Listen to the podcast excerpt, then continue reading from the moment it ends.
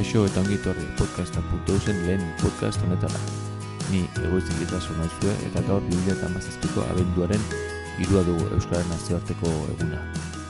Podcasta.eus egita asmoa Euskaraz ekoizten diren podcast independenteak bildu eta lau aizetara zabaltzeko sortu den proiektutxoa da. Tropela babestu eta bultzatua. Podcast independenteak diot izan ere Bai baitaude berez irretsaioak izanik gero podcast moduan zabaltzen diren saioak, baina gura asmoa, asera mintzat, podcast moduan zabaltzeko ekoiztutakoak hemen eta podcasta.eus egunean biltzea da.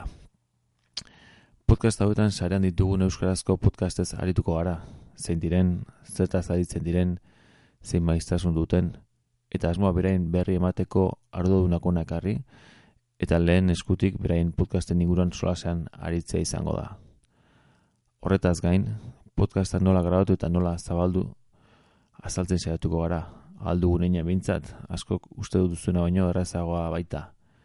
Seguru gaude bazaretela aurrera egiteko bultzadatxoa bat behar duzuenak, akaso nola egin ez dakizuelako.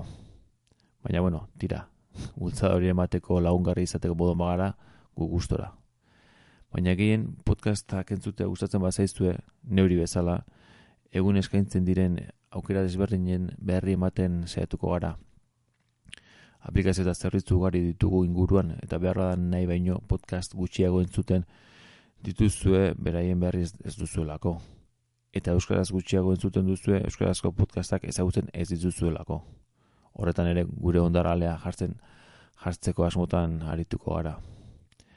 Gaurko podcast hau lehena izanik, eta irte eramarratik abiatzeko asmoa, asmoarekin garen ez, proiektua berau bezala, podcasta zer den gogora kartzea ez da sorra izango. Wikipedian definizio aurki dezakegu. Podcast bat RSS jario bitartez mugikor eta ordenagailuetan erreproduzitzeko banatzen den multimedia fitxategia da. Itza jatorri inglesa dauka. iPod eta broadcast, barkatu, broadcast, broadcast terminen batura da. Zebate pentsatuko du Apolen asmakizuna izan zela, baina ez, ez zen ala izan. Izan ere BBC-ko gazetari batek erabili zuen lehen analiz terminologia hori, podcast.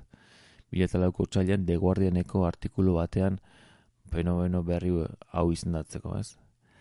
Apole beranduago hori bai, 2005ean koekainean argitaratu zuen iTunesen bertsioa, la punto beratzi naiz, gehitu zuen podcastak, bertan gehitu zuen podcastak kudeatzeko aukera. Beraz, norbait esaten badu apolek eh, asmatu zuela podcasta ez da zuzena, baina bai akaso podcasten erailpena sustatzen lagundu izan duela. Berro ere, Wikipedia bultatzen bagara honela jarraitzen du definizioak. Halako indar hartu du podcastak eta horrek zerikusia du interneten banda zabalera handitzearekin, zeren New Oxford American Dictionaryk bila eta bosgarren urte, urteko hitz izendatua, barkatu, bila eta bosgarren urteko hitz izendatu baitzuen. Kazetari ez gain, zaletu asko ere badago podcasta egiten, gustuko du duten gaiaren bat, gairen baten gainean informatu edo musika kaleratu asmoz. Beste batzuk berriz nahiago dute edukia landu, gai baten inguruan zenbaitetan, elkarrezetak eskainita edo grabazioak. Horren bestez, e, guztion e, hau esan da, podcasta definitzerako garaian e, kontutan izen behar duguna da podcast bat audio dukia duen fitxategi banaketa dela.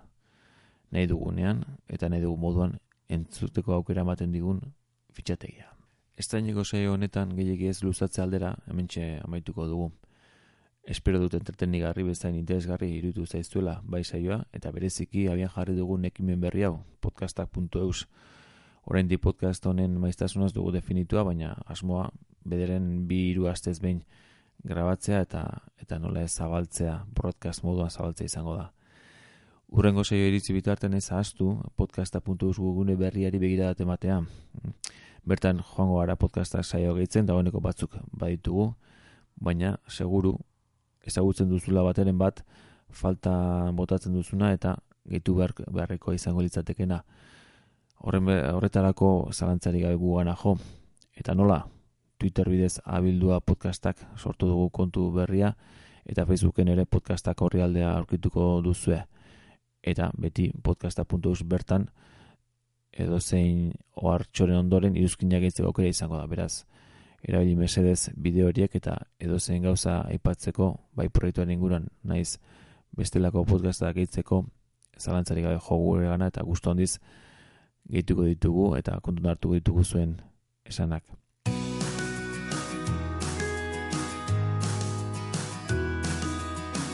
Ez utzi podcastak entzuteari, baina bereziki entzun euskarazko. Entzun.